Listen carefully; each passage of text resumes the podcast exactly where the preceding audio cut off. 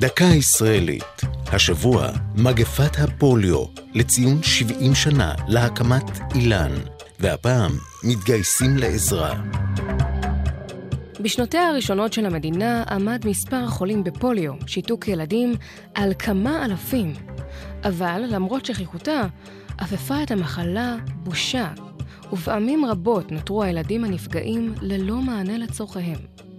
לטובתם התגייסה ב-1952 הפעילה החברתית בטי דובינר, שיסדה את הארגון אילנשיל, ארגון ישראלי למען נפגעי שיתוק ילדים, שהחל לספק מכשירים אורתופדיים ופעילויות שיקום לילדים הנפגעים. במרוצת השנים הוחלט להרחיב את הפעילות ולהקים ארגון שיאגד את הסיוע לכלל הילדים והבוגרים המתמודדים עם מוגבלויות גופניות ומחלות שרירים ועצבים שונות, ויקדם את שילובם בחברה. כך הוקם אילן, איגוד ישראלי לילדים נפגעים. לארגון 40 סניפים ברחבי הארץ. על מנת לסייע במימון פעילותו, יזמה דובינר בשנת 58 את מפעל ההתרמה השנתי מצעד הפרוטות, בהשראת מפעל דומה בארצות הברית.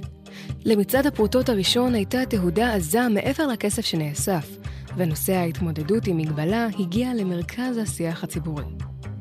מאז ממשיך אילן את המסורת ומקיים מבצע גיוס תרומות מדי שנה בשנה. זו הייתה דקה ישראלית על מגפת הפוליו ומתגייסים לעזרה. כתבה מאיה יהלום, הגישה עדן לוי, עורך ליאור פרידמן.